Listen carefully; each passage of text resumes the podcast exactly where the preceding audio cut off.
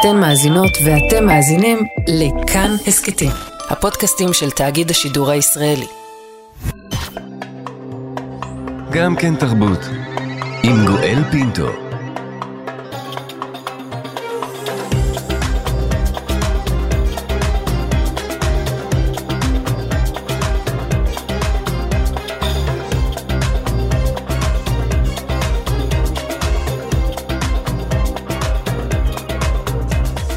שלום שלום לכולכם, תודה שהצטרפתם אלינו לגם כן תרבות, מגזין התרבות של ישראל. בשעה הקרובה נביא לכם ממיטב הראיונות אצלנו באולפן בתקופה האחרונה. עורך המשדר יאיר ברף, עורכת המשנה ענת שרון בלייס, בהפקה מיכל שטורחן. האזנה נעימה. אנחנו כאן. כאן תרבות. נשים פעמנו אל רהט, שם פסטיבל קולנוע שנתי ייפתח בסוף השבוע הקרוב תחת הכותרת בסימן חיים משותפים. בין הסרטים הרבים שיוקרנו בו גם סרט יהודי קצר, חלום בדואי שמו, שביים קאיד אבו לטיף לציון 50 שנים להקמתה של רהט. הפסטיבל כולו התנהל תחת עצב טבח 7 באוקטובר והמחיר הגדול ששילמה החברה הישראלית והבדואית בעקבותיו. גם קאיד אבו לטיף, הוא ומשפחתו שילמו מחיר כאשר אחיו הצעיר, בן הזקונים, אחמד אבו לטיף, נפל רק לפני כשבועיים בקרבות בעזה. קאיד אבו לטיף, תודה רבה שאתה נמצא איתנו הבוקר. קאיד, נחמה רבה ממני ומהמערכת כולה. תודה רבה, מערכת לענות. תודה רבה שאתה אה, נמצא איתנו. מדוע למרות העצב הגדול והאבל הגדול שנפל עליכם, בכל זאת החלטת אה, אה, אה, להקרין את הסרט שלך, חלום בדואי, במסגרת הפסטיבל? אני חושב שבעקבות כל האסון הגדול שהיה מאז השבת השחורה, אין לנו כאנשי תרבות, אמנות ועשייה חברתית, אין לנו את הלוקסוס אה, לשבת ולהתאבל. אה, ככה האמנו כל הזמן וככה נמשיך להאמין. אה, ולמרות, בעקבות כל המחירים הכבדים שאנחנו שילמנו ואנחנו נמשיך לשלם, זאת הדרך שלנו להתמודד עם המציאות המאוד מורכבת. חיים משותפים זה לא, זה לא סיסמה, אלא באמת זה, זה עשייה יומיומית. החברה הבדואית בישראל באמת הוכיחה את זה למעשה גם בחמ"ל היהודי הערבי המשותף שהוא המיזם היחידי בכל הארץ. ורהט, העיר הבדואית הכי גדולה בחברה הערבית, היא זאת שמובילה את העשייה המשותפת הזאת. הכי קל זה היה אה, לעצור את הפסטיבל ולא לקיים אותו. כמו הרבה פסטיבלים, שהפסטיבל הזה, אנחנו היינו מקיימים אותו יחד עם פסטיבל אה, דרום אדום. לצערי השנה דרום אדום לא ממשיך. אם אני, אם אני חושב אה, על אחיך אחמד אה, שנהרג אה, בעזה, זה, זה, זה, זה יותר כמו לאבד בן מאשר לאבד אח, נכון? כן, הרבה דברים לקח ממני והרבה דברים אני לקחתי ממנו. מה שלקח ממני זה תחושת האבא, יעני, כאילו הוא צריך לדאוג שהכל יהיה בסדר. לפני שבוע אה, לי כעת, אתה לא יכול ככה כל הזמן אה, להתעסק בעבודות אה, קטנות, אתה צריך להביא משכורת מכובדת לבית. וכל הזמן היה דואג למצוא עבודות, אומר לי, כעת, תקשיב, יש לך פה עבודה, מתקשר לאבא, שכן ילך, יעשה תרבות אחר כך, כסף לבית. זה תחושת אבא כזאת, וכל החברים שלו שהיו מגיעים ומספרים עליו. אז הוא אומרים, אנחנו, כשאחמד היה בסביבה, הוא היה אבא שלנו. הוא תמיד דאג לנו, דאג שהכל יהיה בסדר, ושכולם אה, לא חסר להם כלום. אה, מה הפך אותו? מה הפך אותו למה שהוא? מה זה, מאיפה הוא קיבל את כל סל הערכים הזה? הסל הזה, לצערי, הוא, הוא הולך ואוזל עם הזמן, עם כל מה שקורה עם הקיצוץ של תנועות הנוער. כל האחראים שהגיעו לכבד אותנו ולנחם, אמרתי להם, זאת החברה האזרחית והתנועות הנוער. ולצערי הרב, כשמסתכלים על התקציב האחרון, ואתה רואה שיש קיצוץ בכל חלקה טובה, זה כואב, סל הערכים של, של נתינה, של עזרה הדדית, של, של ערבות הדדית, של סולידריות. וכשאנשים, אה, הזכרת את זה, קאיד, אה, על כך שבאמת אה, ביקרו אתכם, הפוליטיקאים הבכירים ביותר בישראל, כאשר נתניהו יושב מולכם, מול משפחת אבו לטיף כולה, מה אתה אומר לו בעצם? לא נשבר לך הלב? קודם כל, כל בן אדם שבא לכבד אותך ולכבד אותך, אז אתה קודם כל מכבד את המעמד. היה לי חשוב מאוד אה, להגיד לו שהשותפות הגורל שאחמד האמין ונפל למענה, לא יכולה ללכת ככה סתם. אנחנו גם באקדמיה בעשייה תרבותית, חברתית, דיברנו המון על רב תרבותיות, על הפסיפס המיוחד בישראל, אבל השותפות הזאת היא לא קיימת כסבי מחקר, שבאמת חבר'ה צעירים עושים אה, מחקר פורץ דרך שבאמת יכתוב את זה, כי שפה יוצרת מציאות ואנחנו היום באמת, יש את החיים משותפים, אנחנו רואים מיזמים. אבל אתה, אבל, אבל אתה כבר עברת מספיק אה, מאבקים בחיים שלך, אה, קאיד, שוחחנו כאן בתוכנית כמה פעמים, והנה האסון מגיע אליכם הביתה. אתה עוד מאמין באותה הגדרה של חיים משותפים? אני מאמין. אני מאמין, אני רואה את זה אה, בחמ"ל המשותף, שאנשים מגיעים מכל רחבי הארץ, אה, אף אחד לא הכריח אותם לבוא. אנשים, יש להם את הדרייב האישי, אה, חבר'ה שיש להם סל הערכים, שמוציאים אותם במקום שהוא הפך מתחילת המלחמה הארורה הזאת, שבאמת של עשייה של, אה, של יוזמה. אנחנו אה, לצערי מתקשים אה, מעט עם הקו, ובכל זאת אני רוצה לשאול אותך אודותיך ואודות המקום של התרבות בחיים שלכם, גם מאז שבעה באוקטובר וגם עם האסון שפקד את הבית שלכם. מהי תפקיד התרבות בעיניך? תרבות היא אה, לעשות, למצוא את המשותף, ויש המון. השבועיים האחרונים הוכיחו יום אחרי יום כמה שזה אפשרי. זה אה, בר השגה. כשאתה רואה אנשים שמה שמעניין אותם זה עשייה משותפת באהבה גדולה, אז אתה אומר, אין לי, אין לי, אין לי זכות ככה לשבת ולהתאבל, אלא באמת לעשות, אה, וזאת הדרך היחידה להתמודד עם המציאות מאוד מורכבת שאנחנו חיים בה. אין אופציה אחרת. אני רוצה לברך אותך גם על הסרט החדש שלך וגם אה, לשלוח מכאן נחמה רבה לך ולכל המשפחה שלכם. קאיד אבו לטיף, תודה רבה שהיית איתנו הבוקר. תודה רבה, תודה. אנחנו כאן. כאן תרבות. מתי בפעם האחרונה זכיתם למכתב מהאפיפיור? האורחת הבאה שלי זכתה לזה, וכותרתו של המכתב לאחיי ואחיותיי בישראל. המלחמה, מלחמת שבעה באוקטובר, אומר האפיפיור במכתב ששלח, לבשה לעיתים צורה של אנטישמיות ואנטי-יהדות. הוא מדגיש במכתב כי מבחינת הכס הקדוש, ביטויים של שנאה כלפי יהודים ויהדות הם חטא כלפי אלוהים. אני מחבק כל אחד מכם. מכם, כותב פרנציסקוס, בייחוד את אלה שהוכו בצער, כאב, פחד, אפילו כעס. יחד איתכם אנחנו מתאבלים על המתים, הפצועים, מוכי הטראומה, ומתפללים להשבת השבויים. נדבר על נסיבות הגעת המכתב, על פירושיו, כי ייתכן שכמו אנשי דת אחרים, גם כאן אנחנו לא באמת מבינים את הדרש. נעשה זאת עם מי שקיבלה אותו. נברך לשלום את הדוקטור אה, קרמה בן יוחנן, חוקרת יחסי יהודים ונוצרים, מרצה בחוג למדע הדדות באוניברסיטה העברית ועמיתת מחקר במכון ארטמן. בוקר טוב לך. בוקר טוב.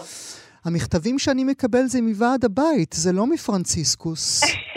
גם אני בדרך כלל, זה באמת היה מאוד חריג, מאוד חריג ומאוד מפתיע וגם uh, משמח ומרגש.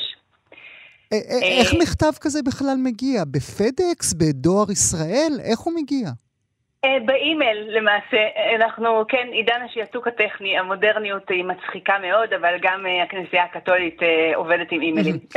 ומה כתוב, ב, מה, מה כתוב בשורת ה subject? A letter from the Holy Pope? אמ, לא, זה יותר, זה, זה, זה נכנס דרך כל מיני ערוצים של אנשים שאני מכירה, לא, לא ניכנס לזה בדיוק, אבל, אבל הגיע מכתב עם הלטר-הד של הוותיקן, והוא גם ממוען דרך אגב לאחיי ואחיותיי היהודים בישראל, כן, זה. הכותרת mm. הרשמית שלו. המדויקת יותר, אוקיי. כן. כן. אמ, מה הנסיבות? אנא הסבירי לי מדוע פרנציסקוס, שצריך לומר ולהזכיר לכם, מאזינות ומאזינים, מאז שבעה באוקטובר, אפס, לא הרגשנו שהוא בדיוק בצד שלנו, לפעמים גם להפך בכל מיני התבטאויות כאלה. אז, אז מה הנסיבות של הגעת המכתב? בדיוק, אה, נהדר. אז, אז אולי רק רגע לפני זה נגיד שזאת פעם ראשונה שיש אה, פנייה ישירה ליהודים בישראל דווקא, כלומר לא לעולם היהודי כמכלול, אלא לנו כאן, אפשר להגיד. וזה עוד דבר שמאוד מייחד את המכתב הזה. אה, ובאמת, כמו שאתה אומר, הוא מגיע אחרי תקופה מאוד ארוכה של מתח, למעשה מאז השבעה באוקטובר, של הידרדרות ביחסים בין הכנסייה ליהודים ברחבי העולם.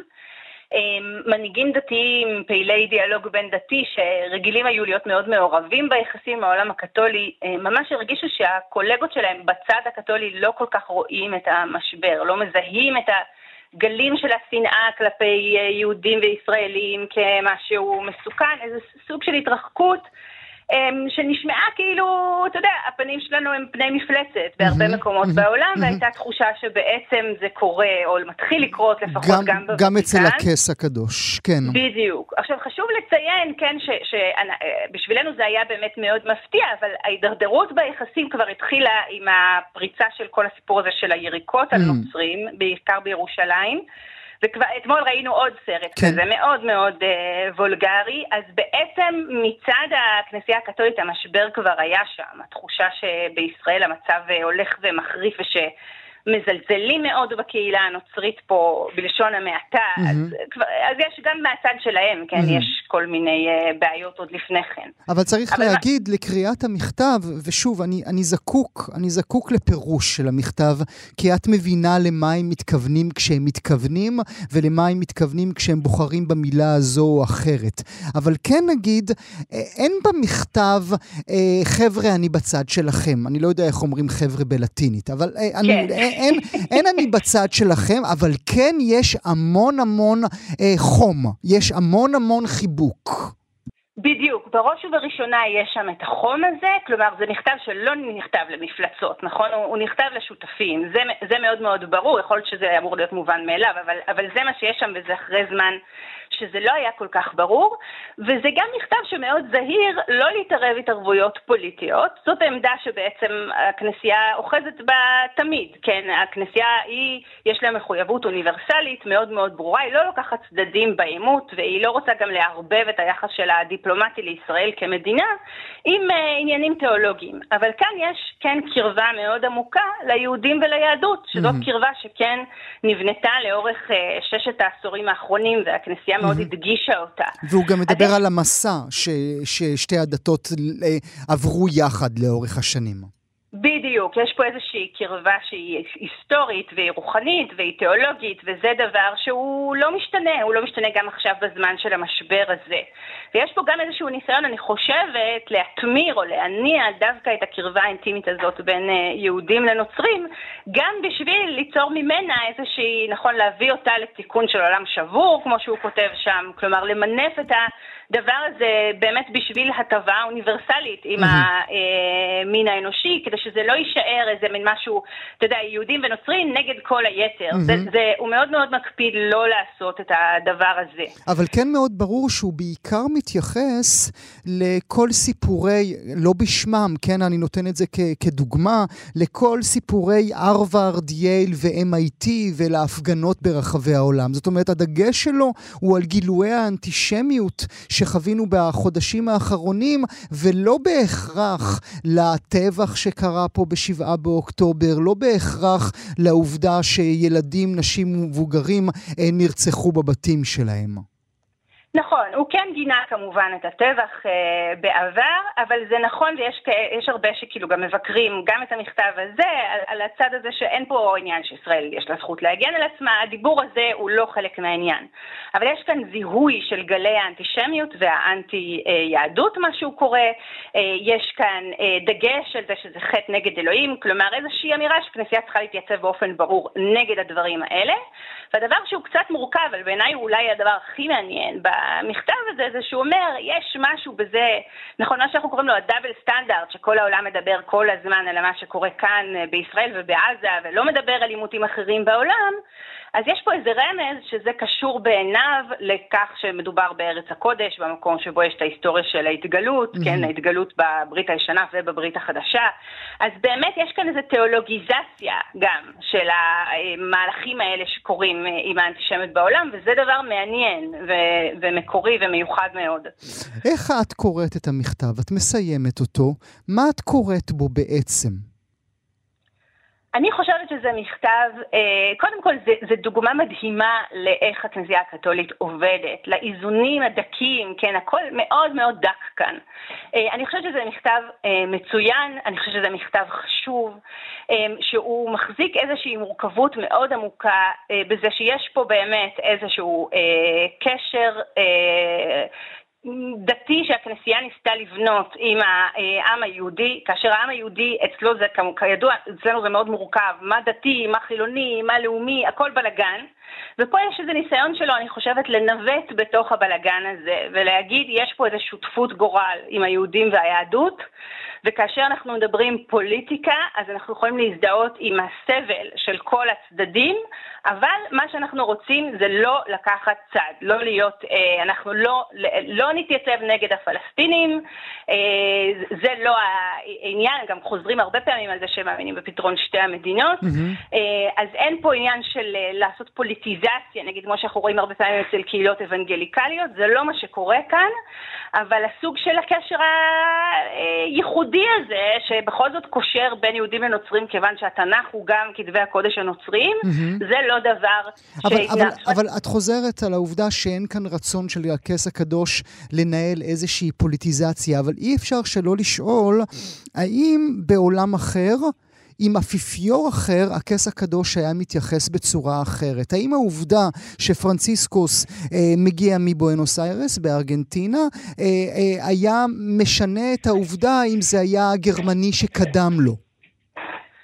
כן, יש פה הרבה, בהחלט לפרנסיסקוס יש נטיות שהן אנטי-מערביות, זה גם מה שראינו קודם, כן, שבעצם הנטיות האנטי-מערביות האלה, בסופו של דבר, כיוון שהיהודים מזוהים עם המערב, דרך אגב, גם בעולם המוסלמי מזוהים עם המערב, אמ, אז, אז זה, זה, לא לטובתם בנקודה הזאת. אה, זה בהחלט נכון, יש פה משהו, עמדה שהיא הרבה פחות, אה, אה, נגיד, פרו-ישראלית. מצד שני, כן, זה דבר שהכנסייה הקפידה עליו כבר מאז שנות ה-60, אמ, כלומר, גם כשכל התהליך של ההתקרבות ליהודים, הם תמיד מאוד מאוד השתדלו לבודד את הסיפור הישראלי, mm-hmm. ולא לשלול את הזיקה של היהודים לארץ הקודש ולארץ ישראל מצד אחד, אבל לא להתחיל להגיד, כן, זה שיש פה מדינת ישראל זה הגשמת ההבטחות, ראשית צמיחת mm-hmm, גאולתנו כן, וכולי. כן. אז יש פה זהירות שהיא כן עקבית, mm-hmm. למרות הנטיות הספציפיות. כן. כי זה מה שתמיד סקרן אותי. האם המחויבות של הכס הקדוש הוא לארץ הקודש, לאדמה, או ליהודים שחיים על, על ארץ הקודש? אז יש פה שתי מחויבויות, שיש פה איזה ניסיון דק מאוד לנווט ביניהם. כלומר, יש הכרה בלגיטימיות של הזיקה בין היהודים לארץ ישראל. הם מכירים את זה היטב. אבל כן, יש כאן גם שלילה של אה, הרעיון שבגלל הזיקה הזאת, אז אה, ארץ ישראל היא של, היא שייכת לעם היהודי. עכשיו, יש פה מרחב, כן? יש כאלה שייתנו לזה יותר מקום, שייתנו לזה פחות מקום, יש פה הרבה מורכבות, האם אפשר לדבר על הדברים האלה בלי להיות מצד אחד אנטי-יהודי, או לחילופין, בלי אה, בסופו של דבר להיות נורא נורא פילושמי ולבודד אחרים. זה דבר מורכב, שאין לו תשובות חד משמעיות. אה, והכנסייה גם נזהרת מתשובות חד משמעיות. Mm-hmm. כלומר, יש פה באמת ניווט מאוד עדין. אבל מה שחשוב, אני חושבת, במכתב הספציפי הזה, זה שהייתה באמת תחושה של הידרדרות, כלומר שהחלק האנטי-ישראלי בעצם קיבל פה את הבכורה, לעומת היחס החם כלפי היהדות והיהודים, וכאן אנחנו רואים איזה ניסיון, כן, ממש להגיב לביקורות, היו הרבה מאוד ביקורות של ארגונים יהודים, של אינדיבידואלים יהודים, ופתאום אנחנו רואים, כן, שהדבר הזה אמנם לקח הרבה זמן, אבל זה הדהד גם הגיע. בתוך הקהילה הקתולית כאן, גם בתוך הקהילה הקתולית uh, בעולם. אמ, ויש פה ממש מענה, זאת אומרת ניסיון להתמודד עם הביקורת ולהגיב לעולם היהודי. והנה, דרכך קיבלנו גם דש אה, חמה מפרנציסקוס. מילה לסיום, עונים למכתב כזה? Thank you for, uh, for uh, writing me this letter? או שממשיכים הלאה? בדיוק, זה קצת, אני מודה שזה באמת אתגר גדול וצריך לחשוב איך, איך עונים לדבר כזה. אני חושבת שבוודאי שעונים. עכשיו באמת השאלה היא, והזמן דוחק, השאלה היא מה, מה התגובה הראויה. גם בזה נעסוק. הדוקטור כרמה בן יוחנן, לעונג רב, תודה שהיית איתי הבוקר. תודה רבה לך, יום טוב. אנחנו כאן. כאן תרבות. על עיצוב נדבר כעת, ועוד יותר מכך, על עיצוב כמעצב תודעה ועל עיצוב כמשנה מציאות. עיצוב נמצא בכל פינה ובכל מקום בחיים שלנו, במרחבים הפרטיים ובמרחבים הציבוריים. עיצוב מעניק פתרונות, אך לעיתים, בגלל שיש בו את הכוח לקבע מציאות, הוא חלק מהבעיה. עיצוב הוא הסיבה שבנים נמדדים בכחול ובנות בוורוד. עיצוב הוא הסיבה שלשירותי נשים תמיד יש תור ארוך. ארוך יותר. עיצוב הוא הסיבה שנשים נתפסות כהורה טוב ומכיל יותר מגברים. עכשיו במוזיאון העיצוב חולון תערוכה חדשה שעוסקת בדיוק בזה, שווה רט שוויון קוראים לתערוכה, מציגים בה מאות אומניות ואומנים, ויש לה, אי אפשר שלא, גם חיבור ומשמעות אחרי שבעה באוקטובר. מי שעצרו את התערוכה הן מאיה דבש, עוצרת ראשית של מוזיאון העיצוב חולון, רונה זינגר ועדי עמרי יעקבי, שגם נמצאת איתנו הבוקר. בוקר טוב, עדי. בוקר טוב. תודה רבה שאת נמצאת איתנו, ולצידך המעצב אוהד חדד, שמציג בתערוכה את טקס חינה, שגם אודות העבודה הזו נדבר. שלום אוהד. בוקר טוב. תודה רבה שאתה נמצא איתנו הבוקר. נתחיל איתך, אה, ברשותך, אה, עדי. מה ביקשתם, מה ביקשתם להנכיח אה, עבורנו, המבקרות והמבקרים, במין תערוכה כזאת? אוקיי, okay, אז uh, באמת המטרה המרכזית של התערוכה, וככה איזשהו עוגן שכל פעם uh, חזרנו אליו uh, ברגעים קשים לאורך הדרך, היא שאנחנו מבקשות בעיקר לעורר מודעות, להסב את תשומת הלב לעובדה שכולנו, ולא משנה לאיזה קבוצה אנחנו משייכים או משייכות את עצמנו, חלק מהסיפור אה, המגדר בעצם הוא, הוא חלק מהסיפור של. כולנו, אה, ועיצוב מבחינתנו הוא שחקן מפתח בתוך השיח הזה, מאחר והוא יכול באמצעים, בין אם אנחנו מודעים אליהם ובין אם לא, יכול בעצם להיות חלק מהבעיה. לקחת חלק בהסללה, בהדרה, בעיצוב שלא מותאם אה, לגופים כפי שצריך אה, אה, להתאים להם. אבל מצד שני, באותה נשימה, באותה מידה, עיצוב גם יכול להיות חלק מהפתרון. ואתם מציגות אה, גם אה, את הבעיות וגם את הפתרון. דיברת איתנו בשיחה בדיוק. מוקדמת אודות אה, דוגמה שקשורה לרכב, לבטיחות ברכבים וליצרניות הרכב. הסבירי לנו ברשותך. נכון. אז באמת הדוגמה הזו היא דוגמה שאנחנו מדברות עליה הרבה, והיא אחת מה... אה, אחד מהשלבים הראשונים במחקר שלנו, אה, בעצם אנחנו גילינו דרך ספר שהיה אה, עבורנו מאוד מאוד משמעותי, הוא נקרא Invisible Women של עיתונאית ואקטיביסטית בריטית אמריקאית בשם קרוליין קריאדו פרז, והדוגמה לקוחה מתוך הספר שלה, והיא בעצם מספרת שעד לפני פחות מעשר שנים, מבחני הריסוק של כל יצרניות הרכב בעולם אה, נעשו על בובות באנטומיית גוף אה, אה, זכרית mm. בלבד, mm. ולא לקחו בחשבון גוף נשי.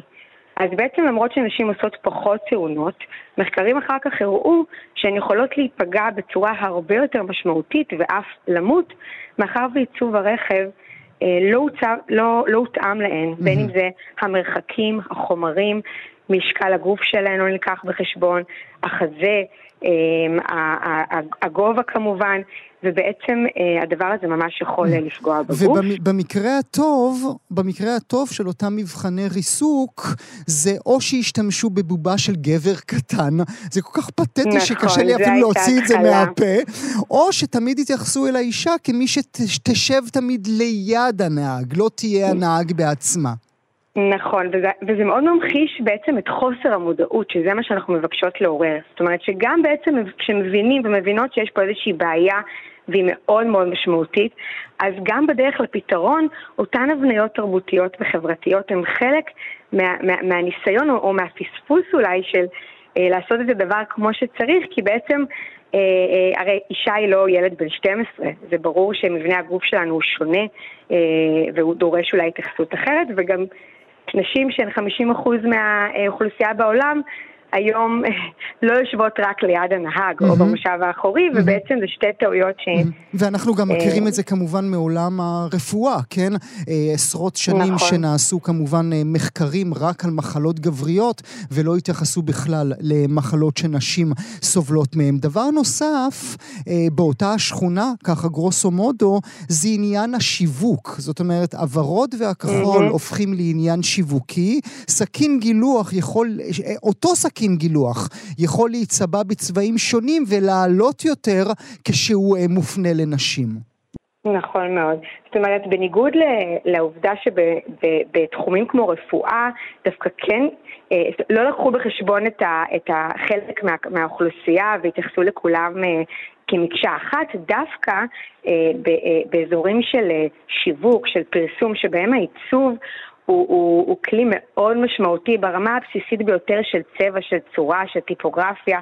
אז דווקא שם מושקע, מושקעת הרבה מאוד אנרגיה מצד חברות אה, אה, שיווק אה, או חברות אה, מסחר גדולות, כן למגדר וכן לעשות את ההפרדה אה, ולגרום לנו להשתכנע שסכין אחת מיועדת לנו, בעוד שהשנייה לא. Mm. ו- שזה וזה... אותה סכין.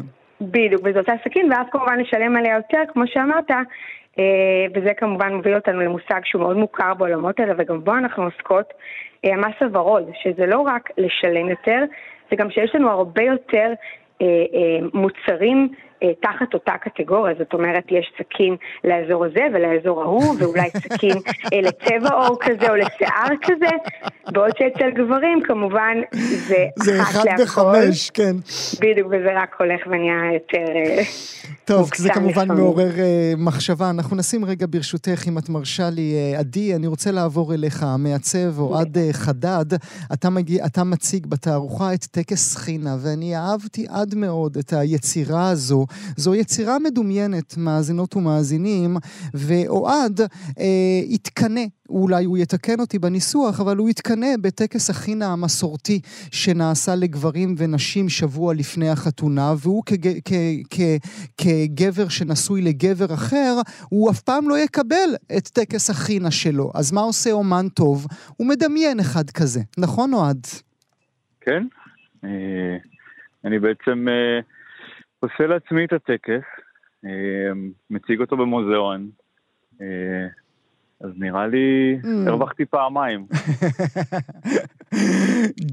אולי אפילו שלוש, גם לא באמת עשית את הטקס, גם דמיינת שעשית את הטקס, כן. וגם קיבלת בסוף את מה שאחרים אולי לא רצו להעניק לך. מה זה אומר דה פקטו? הלכת אל ארונות המשפחה והוצאת משם את הבגדים ועטית אותם עליך? אמ, קודם כל, סבתא שלי, סבתא בניה, היא הייתה אמ, רוקמת, היא הייתה עורכת אה, טקסי חינה, אה, חינה תימנית. אני חושב שרובנו מכירים את הגרגוש, את הכובע שלובשות הכלות בחינה התימנית.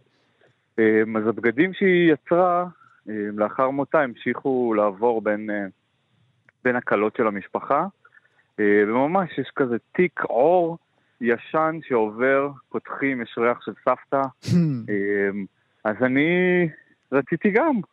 אה, וכשהזמינו אותי לעשות עבודה לתערוכה בנושא עיצוב ומגדר, ממש אה, הורדתי מהמדף את הרעיון, את הרצון, את ה... משהו שמילדות היה שם, ופשוט אה, עשיתי לעצמי.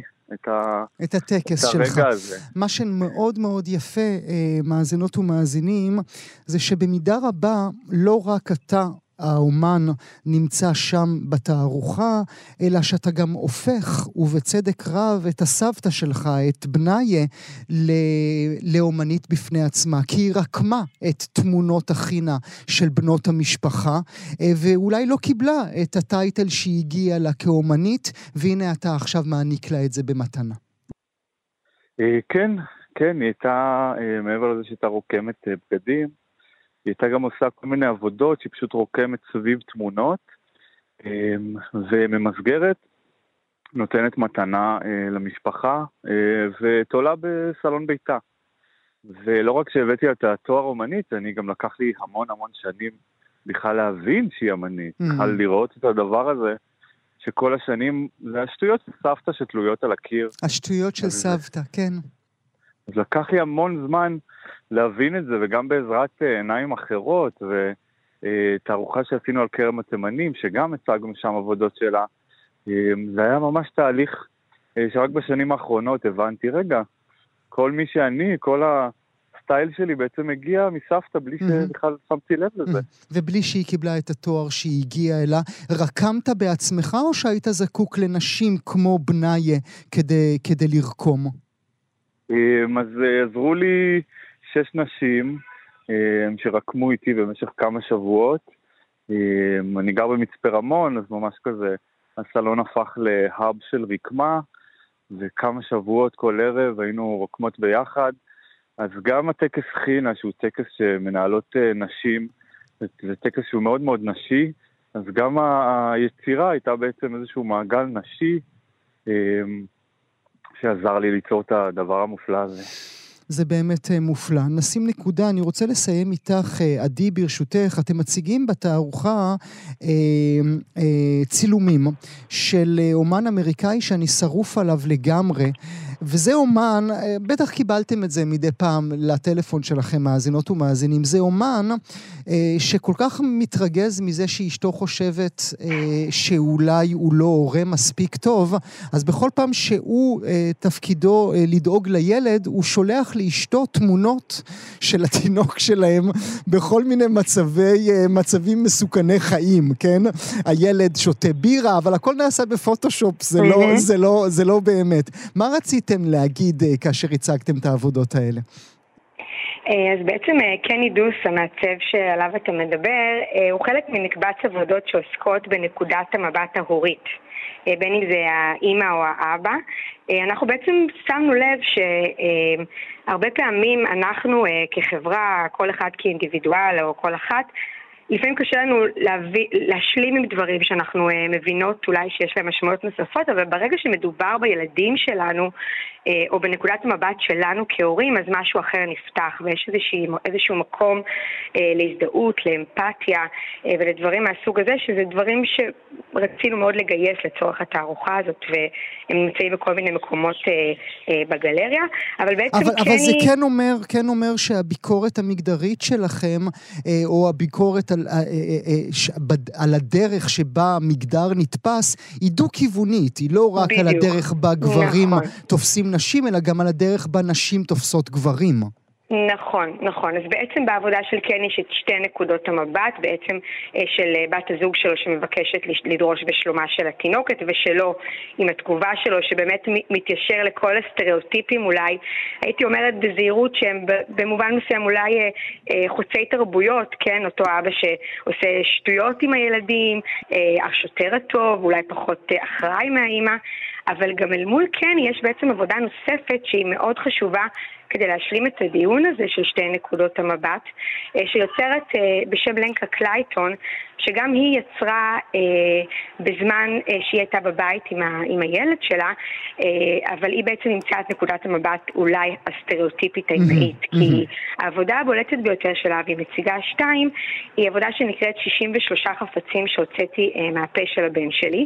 היא סידרה אותם נורא נורא יפה, זה, זה, זה נראה עיצובי לגמרי הצילום הזה.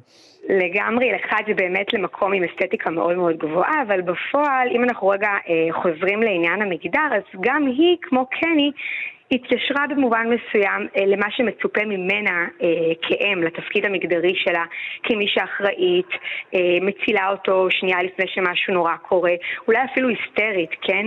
היא ישר אה, אה, דואגת קודם כל לילד, אולי גם כשלא אה, תמיד צריך, אבל אני חושבת ששתי העבודות האלו, זו לצד זו, שדווקא בהן אנחנו אה, מציגות אה, את, אולי את הסטריאוטיפ, ואנחנו נשאלות על זה mm-hmm. הרבה, איך אנחנו בעצם mm-hmm. עושות גם את זה וגם את הדבר השני, אולי את התיקון, אבל שתי העבודות האלו ביחד בעצם אה, מאפשרות איזושהי נקודת מבט גם לשני המינים אה, ולכמה מגדרים, אבל גם מעוררות שיח שהוא מאוד מאוד... אה, אה, אה משותף, משותף להרבה מאוד קהלים, mm-hmm. וזה מאוד מאוד חשוב בתערוכה הזו.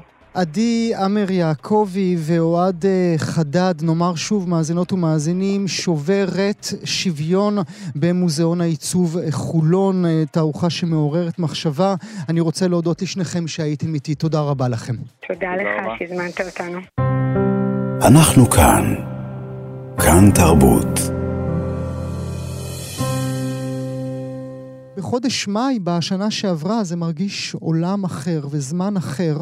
עלתה על במת האופרה הישראלית, האופרה תיאודור, אופרה מקורית בשפה העברית, דבר נדיר במחוזותינו, אופרה שהלחין יונתן כנען וכתב וביים עידו ריקלין. בלב תיאודור, חייו של חוזה המדינה כשהוא עוד היה תיאודור, לפני שהוא הפך להרצל, לפני שהוא הפך לאגדה. האופרה שעלתה כדרכן של אופרות למספר הופעות מצומצם וקבוע זכתה להצלחה הצלחה מיידית ולביקורות משתפכות. בינתיים גם זכינו לכמה ידיעות בינלאומיות אודותיה, למשל העובדה כי היא תצולם ותוקרן בבתי קולנוע ברחבי העולם. ועכשיו כותרת נוספת, כאשר המגזין אופרה נאו, מגזין, מגזין בולט לאומנות האופרה, בוחר בתיאודור כאחת מהפקות האופרה המצטיינות שעלו ב-2023 ברחבי העולם. מבקרת האופרה קאריל צ'רנה לין מהמבקרות האופרה המפורסמות בעולם כתבה כי תיאודור מותירה אותך מעורב רגשית, אינטלקטואלית ורוחנית. מה נגיד? כנראה שהרצל צדק כשהוא כתב באלטנוילנד, אם תרצו אין זו אגדה. תחילה בואו נשמע.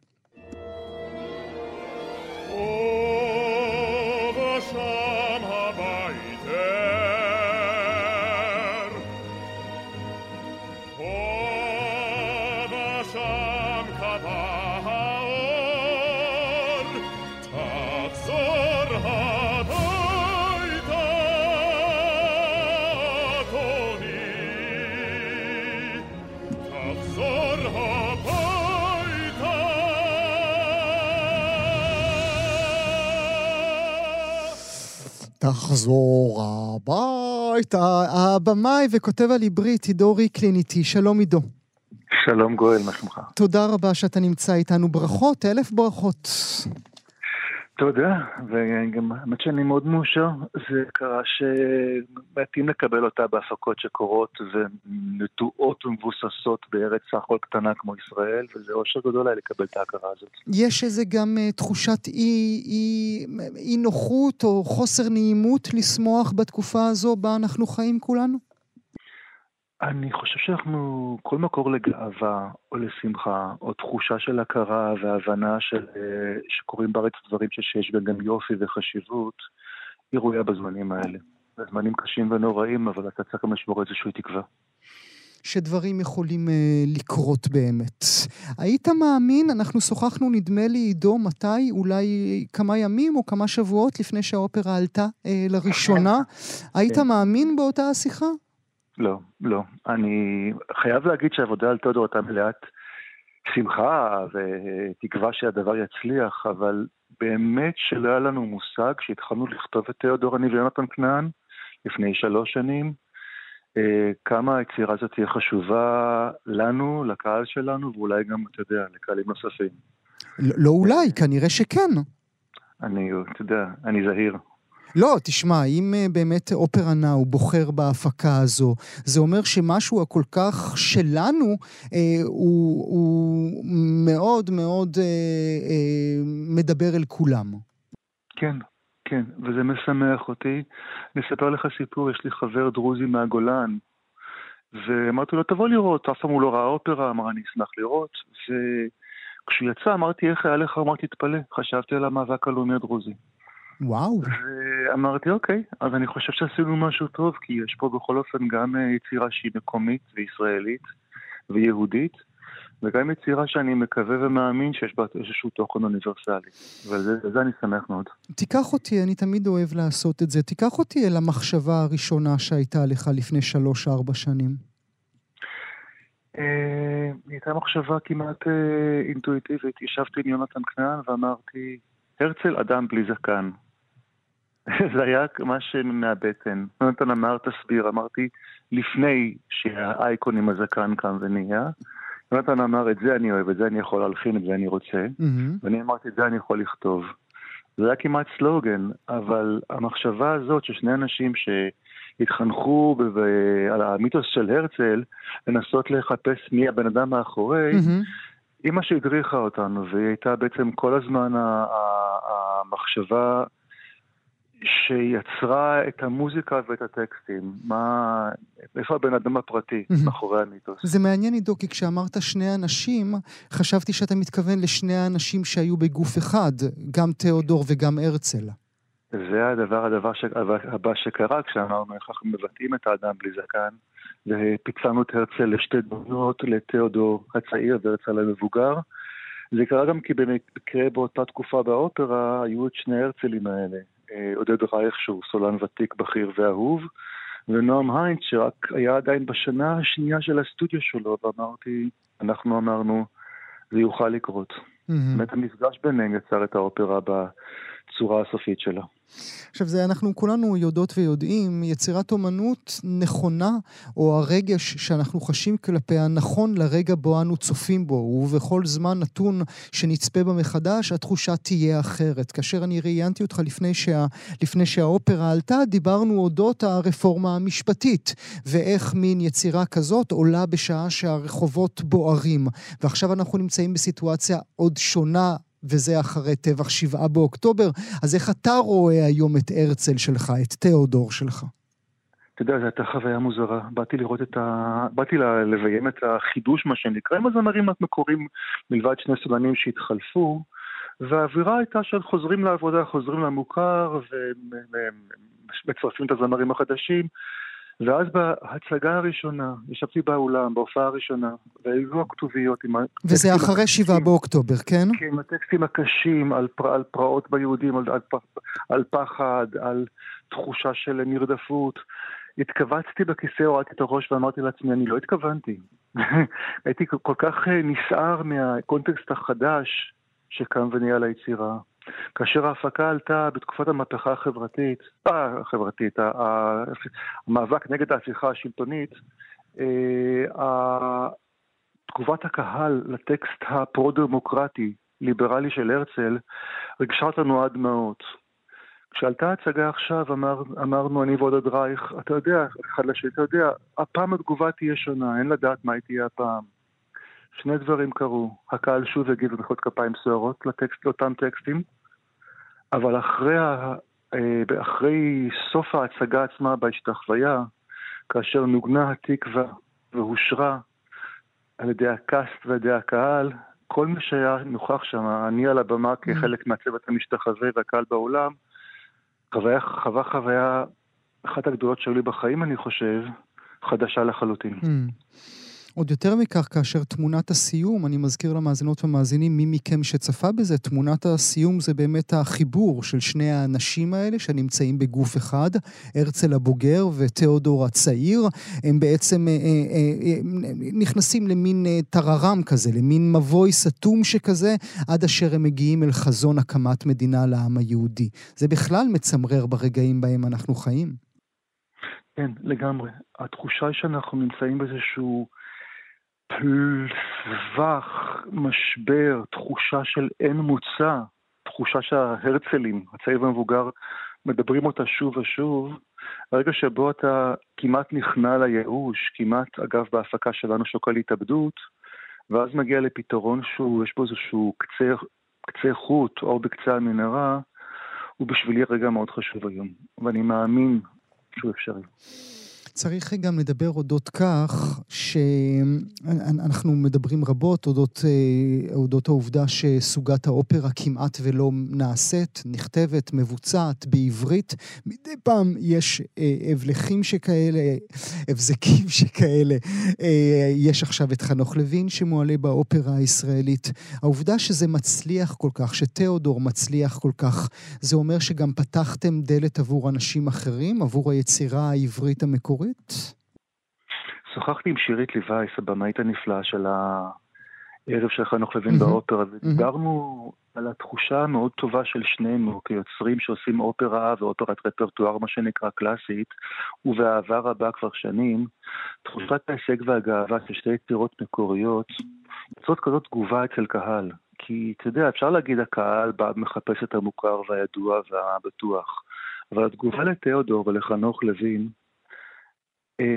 ריגשה והסעירה אותי, כי אופרה בעברית יכולה להיכתב, כמו בכל שפה. יש אופרות נפלאות שנכתבו בצ'כית, שהיא שפה קשה מאוד לאוזן, הונגרית, ואופרה בעברית יכולה וצריכה לסחוף קהל מקומי ובינלאומי. זו שפה כמו כל שפה, זו תרבות עשירה, זו תרבות אה, אה, שיש לה השפעה אדירה על תרבויות שונות אחרות בעולם, ואני מאמין שאופרה בעברית תיכתב ותצליח. Mm, תיכתב ותצליח. אה, הזכרתי כותרת נוספת, העובדה שהאופרה אה, צולמה, נכון? זה כבר צריך להגיד בלשון עבר. צולמה נכון. ותוקרן אה, בבתי קולנוע ברחבי העולם, כמו שנהוג אה, בעולם המתוקן, עם אופרות אה, אחרות. יש לזה איזשהו אה, לו"ז? זה, זה יקרה מתי? אני לא בקיא בלו"ז ההפקה, אני יודע שכבר יש גרסה ראשונה שכבר נשלחה לביקורות ותיקונים והערות ועבודה מתקדמת, אני מקווה שזה יעשה בשנה הקרובה. איזה הישג יפה, באמת הישג יפה. נודה לך על השיחה הזו, הבמאי וכותב על עברית עידו ריקלין, תודה שהיית איתי הבוקר. תודה רבה, גואל.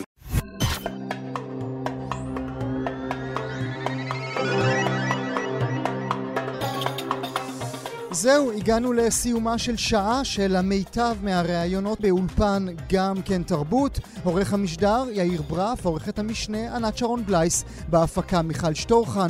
תודה שהייתם איתנו, עד הפעם הבאה, להתראות.